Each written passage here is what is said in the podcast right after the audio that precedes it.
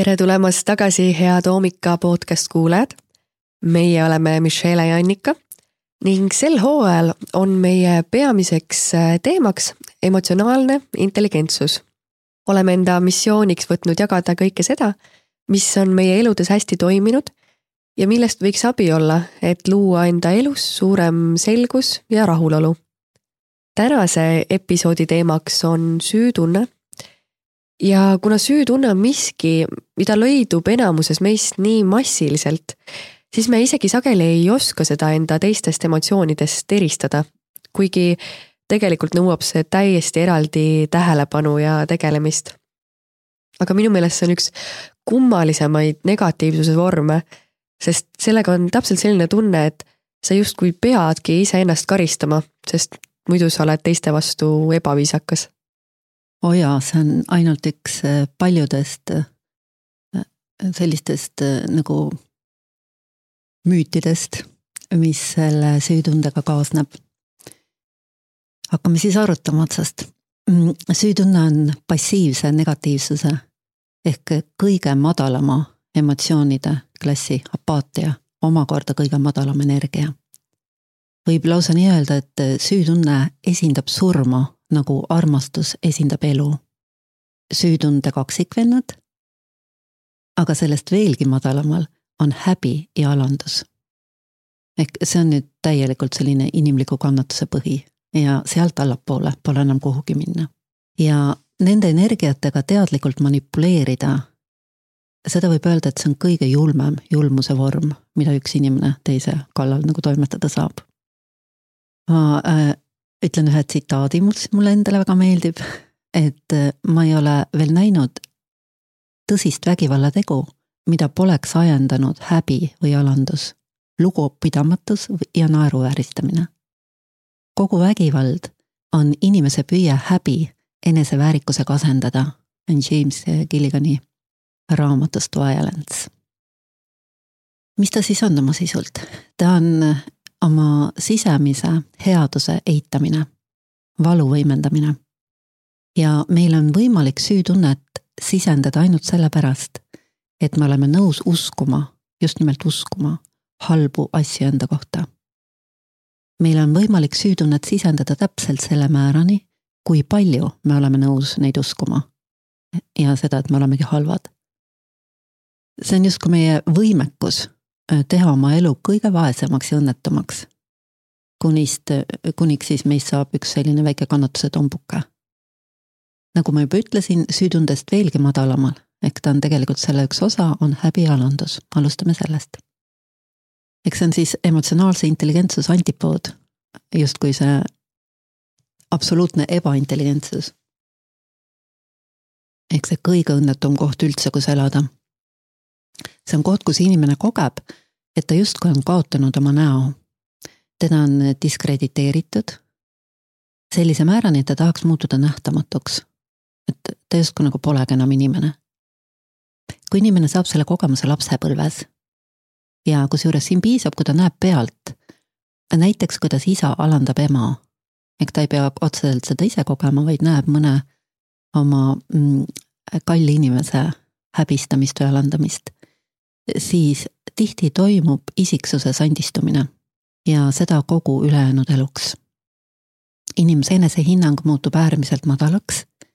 inimene muutub tagasitõmbunuks, häbelikuks, nagu elu taandub temas.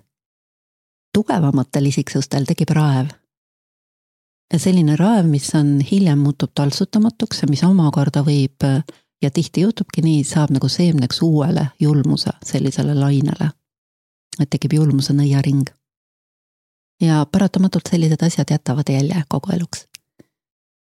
ja kord häbistatud öö, olles või seda tundnud inimene tihti püüab seda kompenseerida ekstreemse perfektsionismi ja jäikusega ja omakorda sellega kõike siis enda ümber kahjustades. ja nimelt just lapsepõlves häbi ja alandust kogenud inimesed moodustavad tihti enda ümber selliseid inimgruppe, kus oma valu varjatult teiste peal välja elada. ehk just sellised inimesed juhivad destruktiivseid äh, sekte. Nad loovad justkui oma maailma, tegelikult loovadki, maailma maailma sees või riigi riigis, kus kehtivad nende oma reeglid ja nad kehtestavad need reeglid nagu niimoodi vaikselt ja märkamatult. ja kes neile ei allu, need saavad omakorda avalikult häbistatud ja alandatud. Ja tihti see kõik toimub sellise mingi ülla sildi all. a la sina oled patune ja mina annan sulle pääsemise. ükskõik siis millisel moel, mis inimesele on oluline. ja tihti sekti juht annab teada, et ainult tema suudab teha seda ja et kes siis sinna sekti satuvad, et need on need vähesed väljavalitutest, kes üldse tema juurde jõudsid ja seetõttu on nagu eriliselt õnne, õnnelikud peaksid olema. ja nii tekib massipsühhoos. Ehk tekib kaks hirmu ühes. ühelt poolt hirm saada avalikult häbistatud ja teiselt poolt hirm jääda ilma sellest pääsemisest või sellest ülimast õnnest, mida lubatakse. et see on selline mudel, mis on kestnud sajandeid, kestab siiani, nii kummaline, kui see ka pole, isegi Euroopas on seda palju. väga nutikas ärimudel, kui võib nii öelda. Ja hull on see, et see võib võtta äärmuslikult, äärmuslikud vormid, kus sekti juht hakkab ennast jumalaks pidama, seda sõna otseses mõttes. ja veelgi äärmuslikumalt siis, kus ta juhibki täielikku destruktiivsusesse inimesed, et inimesed nagu kaotavad oma isiksuse, oma tahte hakkavad käituma täpselt selle juhi sõnade järgi. ja siis väga äärmuslikes juhtudes siis äh, võib enesetappudeni välja viia see. et äh, midagi ilusat selle, nende energiatega manipuleerides äh, paraku teha ei saa. Lähme nüüd edasi siis süütunde juurde, häbist ja alandusest. süütunne on tunne, et ma olen teinud midagi valesti ja väärin karistust. kas siis reaalselt või ettekujutluses tegelikult süütunne juba ise ongi iseenda karistamine. Eh, kuna see kogemus, see tunne ise on äärmiselt ebameeldiv. Ja siis erinevus selle häbitundega, eh, kui korra tagasi tulla, siis ongi see, et eh, häbi on nagu kraad kangem, seal on lisaks see tunne, et mitte ainult, et ma olen teinud midagi valesti, vaid ma ise isiksusena olen kuidagi vale. ehk minus endas on midagi mäda, sügavalt mäda või rikutut ja see süütunne teeb inimese sõgedaks. ka tark inimene hakkab käituma arulagedalt. inimene nagu müüb ennast maha ja see omakorda, kui see mõnda aega on kestnud, tekitab äh, sisemise agoonia.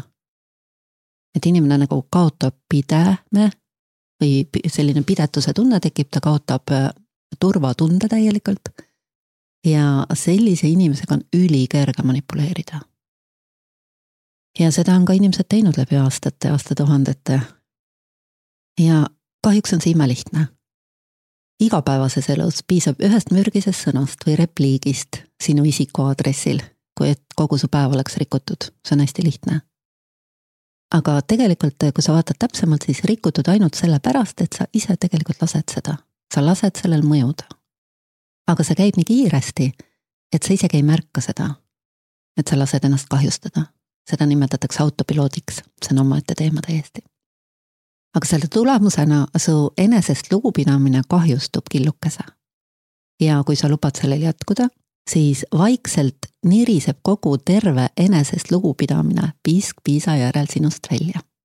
ja siit esimene praktiline nõuanne ehk et kui sul on mõned sõbrad, kes ei mõju sulle ülendavalt, vaid vastupidi, mõjuvad alanda, alandavalt või kui sa kuulud kuhugi inimeste gruppi, ükskõik kuidas nad ennast ka ei nimetaks, hoia oma pea hästi selge, ole hästi tähelepanelik.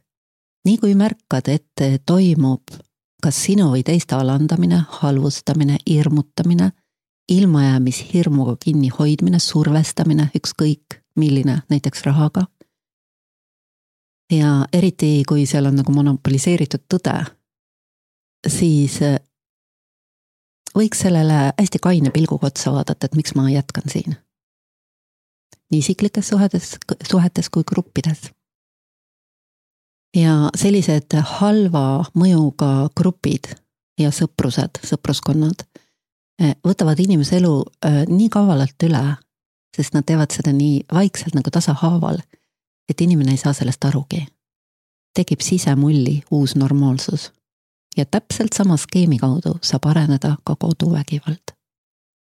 kui sa lubad ükskord ennast alandada, siis tegelikult sellega sa paned põrgu katlasse nagu tule alla ja algab allakäigutee. ja sellega tuleb olla hästi ettevaatlik. minu sellise isikliku arusaamisel just see ongi kogu inimliku tragöödia selline sammasjuur. ja eriti traagiliseks teeb selle asjaolu, et see faktina on puhas vale. mitte miski ei saa kaugem olla tõest. tänu sellele võib öelda, et süüdistamine on kõige rafineeritum julmuse vorm. kõige julmem julmus. ta imeb välja inimese elust kogu rõõmu, õnnetunde ja tegelikult mina oma kogemusest võin öelda, et ükski haigus ei saa kehas areneda, kui kasvulavaks pole süütunnet. et kui sa selle endast täielikult välja saad, siis äh, peaaegu et keha ei jäägi enam haigeks. ja praktiliselt kõik me oleme selle ohvrid. Äh, kuna kogu süütunne põhineb valel, äh, kohe räägime, miks see nii on, siis selle vale asendamine tõega on ainus võimalus, kust saab tekkida pööre kust asjad saavad hakata paranema. nii nähtavad kui nähtamatud valud ja haavad. ja siit tuleb äh, selgemini kui kunagi välja täpsete definitsioonide jõud. ehk üks muutus sõnastuses võib päästa mitte ainult päeva, vaid kogu inimese edaspidise elu, siis selle elukvaliteedi mõttes. Äh, miks ta siis on vale? üheksakümmend üheksa koma üheksakümmend üheksa protsenti süütundest, sellel pole reaalsusega mitte mingit seost. me tunneme ennast süüdi ükskõik, mida me ka ei teeks.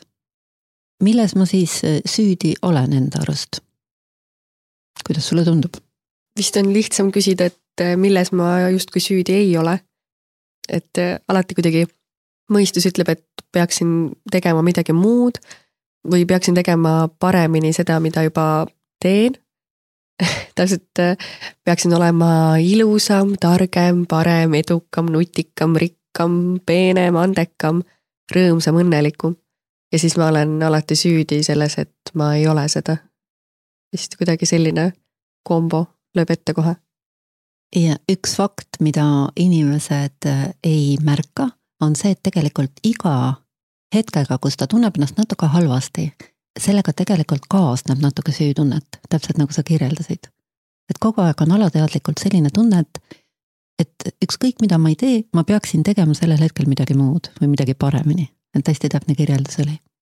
üks põhjendus, miks me ise eh, teeme seda viga, ehk me sisendame teisele tema süüd, on tihti selline ärahoidev, preventiivne. ehk nagu hoida ära sama vea kordamine. aga paraku mõju on teisele inimesele hävitav ehk eh, tihti just see, kui me süüdistame kedagi millegi tegemises, siis see alaväärsustunne ja see inimese nõrgaks tegemine teeb ta palju haavatavamaks edaspidiste vigade suhtes, mitte ei tee teda tugevamaks. kus ta saaks oma arukusse nii palju tagasi, et ta saaks aru, mis on hea, mis on halb. eks see on igal juhul isiksust nõrgendav, kõik, mis nõrgendab, teeb inimest halvemaks, see on nii lihtne, primitiivselt lihtne nii et lausa võib öelda, et elamise hirmu ja surmahirmu vahele jääb oleviku hetke süütunne, keegi tark on öelnud, ma ei mäleta, kus ma selle lugesin kunagi. ja mida kõike me teeme, et selle hävitava tunde eest põgeneda. süütunne on nii sügavalt alla surutud, me oleme sellest nii läbi imbunud ja tihti me oleme õndsas teadmatuses selle koletise tegelikust haardest ja mõjust oma elule. süütunne on äärmiselt destruktiivne ka füüsilisel tasandil. tema mõju all aju poolkerad lähevad balansist välja.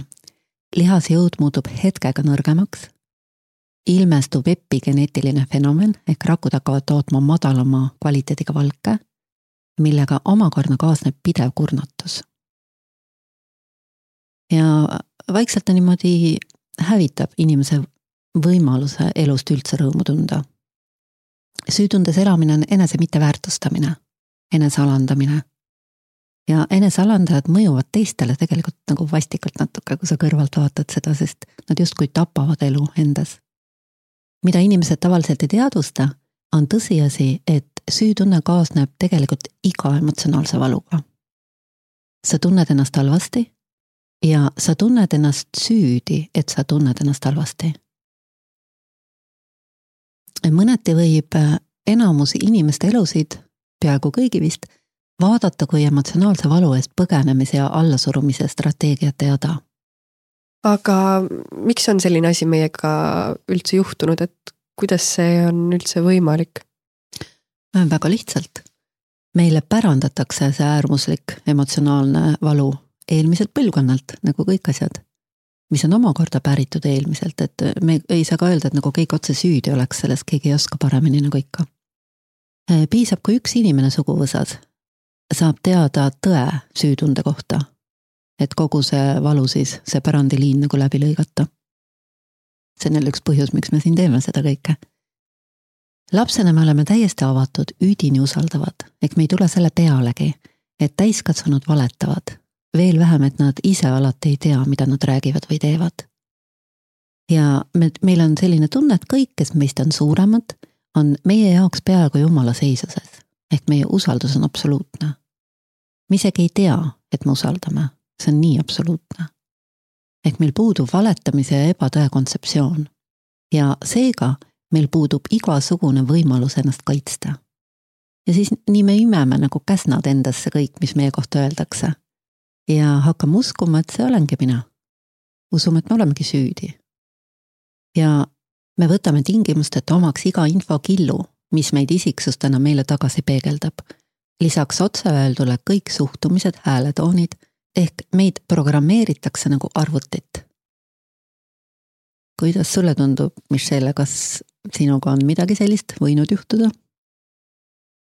jaa, ei absoluutselt, ma just mõtlengi, et, et ilmselt kogu see kriitika läheb alati kõige kuidagi valusamalt pihta siis, kui see, kui see tuleb millegi suhtes või kuidagi, et sa ise nii põled millegi vastu ja siis keegi tõmbab sulle kuidagi nagu vee peale või kuidagi saad kuskilt mingi sellise.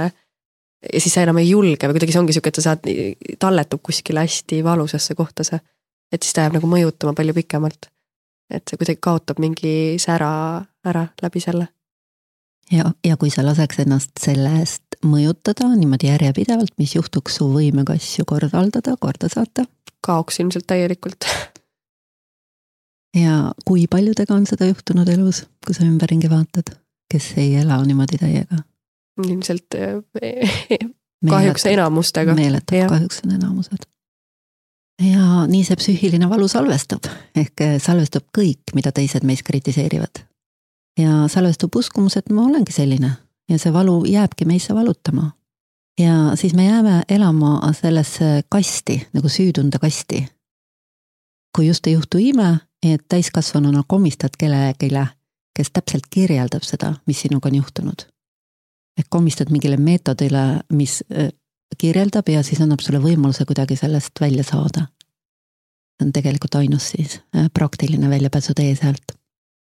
Äh, kummaline on, et see valmidus uskuda halba enda kohta ei kao ka siis, kui me oleme suureks kasvanud. ja justkui peaksime oskama eristada tõde valest samal hetkel, kui keegi ütleb, et me oleme kuidagi halvad või süüdi, me kohe tunneme, et olemegi. me kohe tunneme ennast halvasti. eks see programm on nii sügaval. ehk eh, see on sama hea, kui meile on juba müüdud nagu kümme tuhat valet ja me oleme nõus ostma veel kümme tuhat. ise üldse endale aru andmata, mida me teeme. ja me muutume nõrgemaks ja nõrgemaks ja nõrgemaks ja usk endasse kaob. ja kuniks meie enesehinnangust jäävadki räbalad ainult ja oi, mis lihtne on jälle sellist inimest siis orjastada või ära kasutada kuidagi. Lähme äkki siis natuke helgema poole peale, et kas sellest äh, kõigest on ka nii-öelda päris väljapääs, et, et ei oleks nii kurb ja hirmus? E, iga asjaga on esmaabivõtted ja on sellised juurabi võimalused, nagu me oleme rääkinud. esmaabi on selles, et sa kohe saaksid kergendust juurabi selline, mis äh, su, sinust on võimeline äh, selle kogu valu täiesti välja lahustama ja tegema sind nii selgeks ja arukaks, et sa mitte kunagi ei langeks enam sellisesse lõksu, et keegi saaks sind programmeerida ja sind äh, ära kasutada siis läbi selle. ehk nagu ma juba ütlesin, kogu valu saab jätkuda ainult sellepärast, et meil puudub õige kirjeldus ehk meie teadmine selles elu osas on vale vale toodab valu. see sai nii hea lause, et selle võiks korrata või kuidagi hästi niimoodi tugevaks jätta, vale toodab valu. igasugune paranemise alguspunkt on ainult üks. sa saad teada, saada teada, kuidas see asi päriselt on. eks saada õige kirjeldus on see tegelik väljapääsutee, mitte ühtegi teist võimalust ei ole. ehk ravi algab alati täpsest diagnoosist. Diagnoos süütunde puhul on ühene.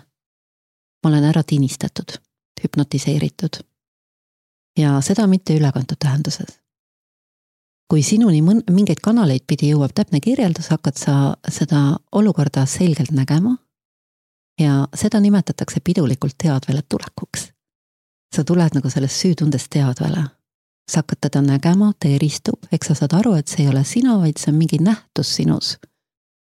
Mis tuleb, läheb, vahepeal on tugevam, vahepeal peidetum. ja sa hakkad aru saama selle mõjust endale, ta on mingi energia sinus.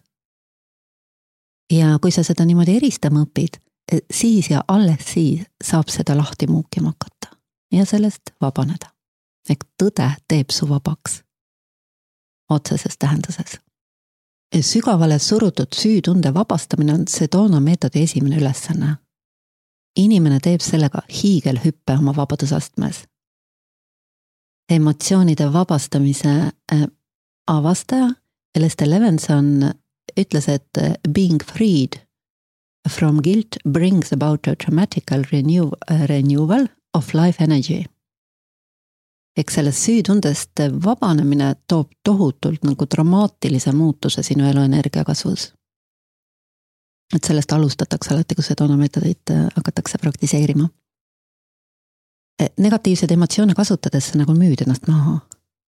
müüd maha tõe enda kohta ja ei toetu enam sellele. eks sa hakkad uskuma emotsiooni rohkem kui iseennast. ja sellest omakorda tuleb see tohutu sisemine agoonia mis see tõde siin siis on, mida ma juba mõnda aega olen siin nimetanud? üks tõde on see, et see emotsioon ei ole sina. teine tõde on see, mida Sedona meetodis nimetatakse KISS meetodiks. K-I-S-S. Äh, Lester Levenson ütles, et ükski suudlus ei ole magusam kui vabaduse suudlus. ja absoluutne tõde on, et äh, see step üks on alati step back ehk aste, esimene aste välja on aste tagasi Sedona meetodis nimetatakse seda U-pöördeks, tagasipöördeks. sa õpid tooma oma seda võimekust, mis sind maailmaga ühendab, tagasi sellele, kes sa ise oled. sellisel määral tagasi, et sa õpid ennast kogema, reaalselt kogema. et sa sellel hetkel ei koge emotsiooni, vaid koged seda, kes teadvustab emotsiooni ja kui sa õpid seda praktiliselt tegema, see on hästi lihtne, siis sa hakkad avastama päris tõde enda kohta kogemusena. Ja mida sa siis hakkad kogema? esimene asi on see, et sa avastad, et sa oled, sul on nagu hästi kerge ja rahulik olla, eks sa oled üleni üks suur rahuseisund. kui sa natuke jätkad iseenda kogemuses, siis sa avastad, et sa oled tegelikult üdini hea eks see koht, kus sa iseendana oma olemasoluna ennast koged, seal puudub nagu selline vale või vale ja, ja valu ja halva mingi sellise ühegi negatiivse nagu kriteeriumi mõistegi või kategooria. eks seal täiesti puudub selline mõiste. ja äh, kui sa natuke harjud sellega, et sa oled olemasoluna kogemas ja sa olemasoluna saad ennast äh, äh, kogeda, siis sa avastad, et sa saad seda headust ja rahu kogeda järjest rohkem ja sügavamalt ja see muutub kergeks õnnetundeks. Kui sa veel sinna natuke panustad, siis sa avastad, et see muutub natuke sügavamaks õnnetundeks. ja kui sa mingil hetkel see, see heaolutunne, mis tuleb sinu enda kogemusest eh,, hakkab tekitama nagu sisemist magnetismi, et sul hakkab tekkima põnevus, et kui hea ma siis tegelikult äh, nagu päriselt olen. kui ma panustaks natuke rohkem jõudu sinna emotsioonide arvelt. Ja siis avastab inimene järjest ja järjest selle oma päris tõe ehk päris iseenda headuse. ja selle tulemusena tuleb tal tagasi enesehinnang hoopis teises kategoorias. see on selline kategooria, millel puudub see duaalsus, see hea-kurja mõiste, eks seal ei ole nagu hinnaklasse või mingeid, et mul on nüüd enesehinnang kümnest pallist üheksa. see on täiesti teises kohas. ta avastab, et on absoluutselt ühegi kriteeriumita hea, et see headus on absoluutne.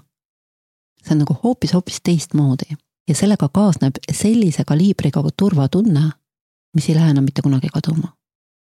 ja inimene saab nagu juure alla oma elule läbi selle, et ta taas õpib iseenda headust kogema. ja alles sellest kogemusest, kui see on juba teatud tasemeni nagu niimoodi välja äh, harjutatud sõna otseses mõttes, nii kummaline kui see ka ei tundu, siis saab inimese elu sellise tugeva platvormi, kus ta turvaliselt saab hakata vabastama emotsioone. Muidu väga tihti see, mida ma olen näinud, ma olen väga-väga palju aastaid emotsioonide vabastamise äh, õpetaja olnud ja neid siis äh, nagu aidanud inimestel sellel teel edeneda, siis see, mida ma olen näinud, on äh, kummalisel kombel ta tekitab valu juurde tihti. just tänu sellele, et inimene teadlikult hakkab trigerdama seda minevikuvalu ja kuna ta enesekogemine ei ole veel piisavalt tugevas kohas siis ta tihti upub sellesse trigerdatud valusse, eks see maailma kõige parem asi, oskus vabastada emotsioone, eh, muutub omakorda nagu valuallikaks, mis on nagu, nagu hästi-hästi kurb. Et see on üks minu põhitöödest, et ma teen kõik, et eh, sealt tagasi saada inimesed, kes on sinna läinud, selle valusa koha peale. mis siis veel kaasneb selle mina kogemusega? siin on kaks head asja veel, üks on see teadmine, ja avastas just iseenda kogemusena, et sind ennast ei saa kahjustada mitte ükski emotsioon. ehk ükskõik, mis sul on kunagi tehtud või tegemata jäetud. Eh, nii kui sa korraks lihtsalt soostud sellest kõigest lahti laskma ja soostud oma fookuse iseendale tagasi tooma ehk kogema iseennast, siis sa avastad, et see sinu headus on täiesti eh, kahjustamatu. eks seal ei, ei ole mitte ühtegi plekki sellest minevikuvalust sest ta nagu täiesti puudub seal. nagu poleks kunagi olnudki. ja üks asi veel on hästi tore, on see, et sa saad seda igal hetkel kogeda. Eks seda mitte kunagi ei võta keegi sult seda võimalust ära. see on see iseenda sisse peitu tulek, mida me kunagi rääkisime ühes eelnevas podcast'is.